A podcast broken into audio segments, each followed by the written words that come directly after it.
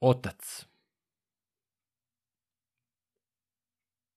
Podiže se divlja hajka protiv jednog srpskog roda, da mu ne da da oseti šta je sreća i sloboda. Ide hajka preko sela, preko sela i gradova, ide hajka preko reka, preko reka i bregova.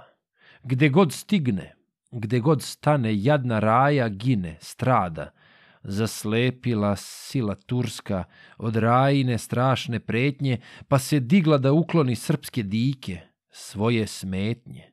Zaslepila turska sila od negdašnje srpske slave, pa se digla da poskida sve junačke srpske glave. Nenadović hrabri pade i Birčanin s njim poginu, ali Janko, Gagić Janko, on umače u planinu zalud hajka za njim juri, bez odmora i bez stanka, nigde nema gorskog sina, nigde nema Gagić Janka. Al kad hajka ne mogaše u planinu da ga nađe, ona manu gorske klance, te u boleč selo zađe, pa Jankovu kuću traži. Traži žene samohrane, traži nejač, bez oružja, traži decu bez odbrane.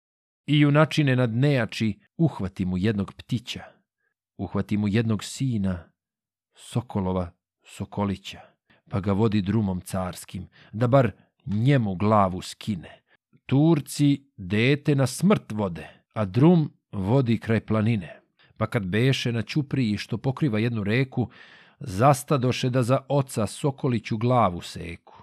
I već dželat sablju diže, da detetu glavu skine, al se začu glas nenadni, glas Gagića iz planine.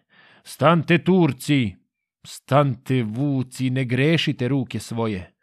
Ne dirajte Sokolića, evo ruse glave moje. I izađe iz šipraga, pa nejakom zbori sinu. Idi sine, idi nado, idi ptiću u planinu. Pa kad sveta ora dođe, te se poklič gorom vine, ti se seti baba svoga, što za tebe sada gine. Ti se seti da on zate dade rusu glavu svoju, da ti njega zamenjuješ u krvavom svetom boju. To izreče, glavu saže. Sablja sevnu, a on minu. A Sokolić dotle beše odleteo u planinu.